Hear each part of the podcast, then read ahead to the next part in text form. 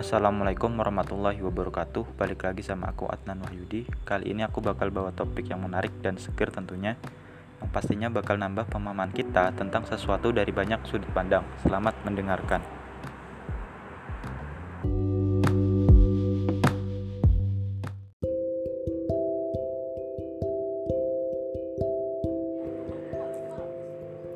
Berikut adalah tulisan dari Intan Pratiwi yang dikutip dari IDN Times. Jangan ngeyel, begini lima sikap hadapi orang kepribadian koleris. Dalam studi psikologi, terdapat empat jenis kepribadian manusia yang dikenal dengan nama melankolis, koleris, sanguis, dan plekmatis. Sosok koleris sendiri dikenal dengan kepribadian yang dominan.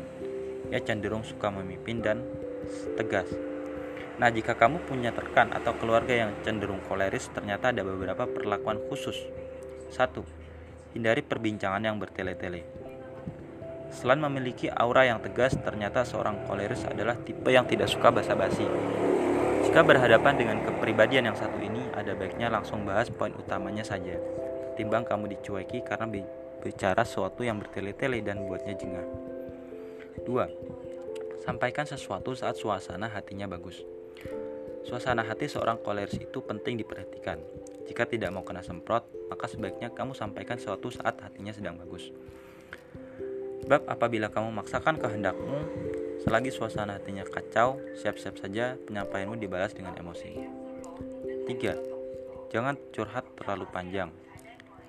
Tidak semua koleris adalah pendengar yang baik, jadi hindari curhat terlalu panjang dan ke dengan kepribadian yang satu ini.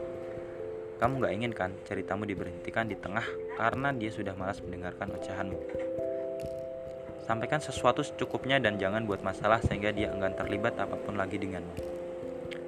4. Tinggalkan apabila ia sedang emosi. Koleris merupakan salah satu tipe yang mudah emosi. Jika kamu menyaksikan koleris sedang marah, ada baiknya tinggalkan saja. Karena menghadapinya dengan sama-sama emosi tidak akan menyelesaikan apa pun.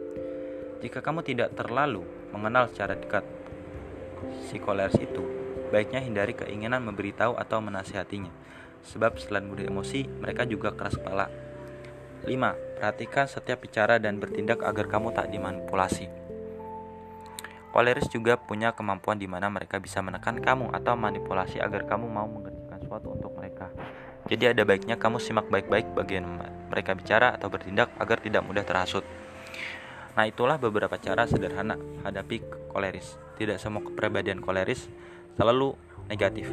Selain kekurangan yang dimiliki, kepribadian koleris dikenal tanggung jawab, keberanian yang tinggi, sering kali dipercaya dalam mengambil keputusan, bahkan mandiri.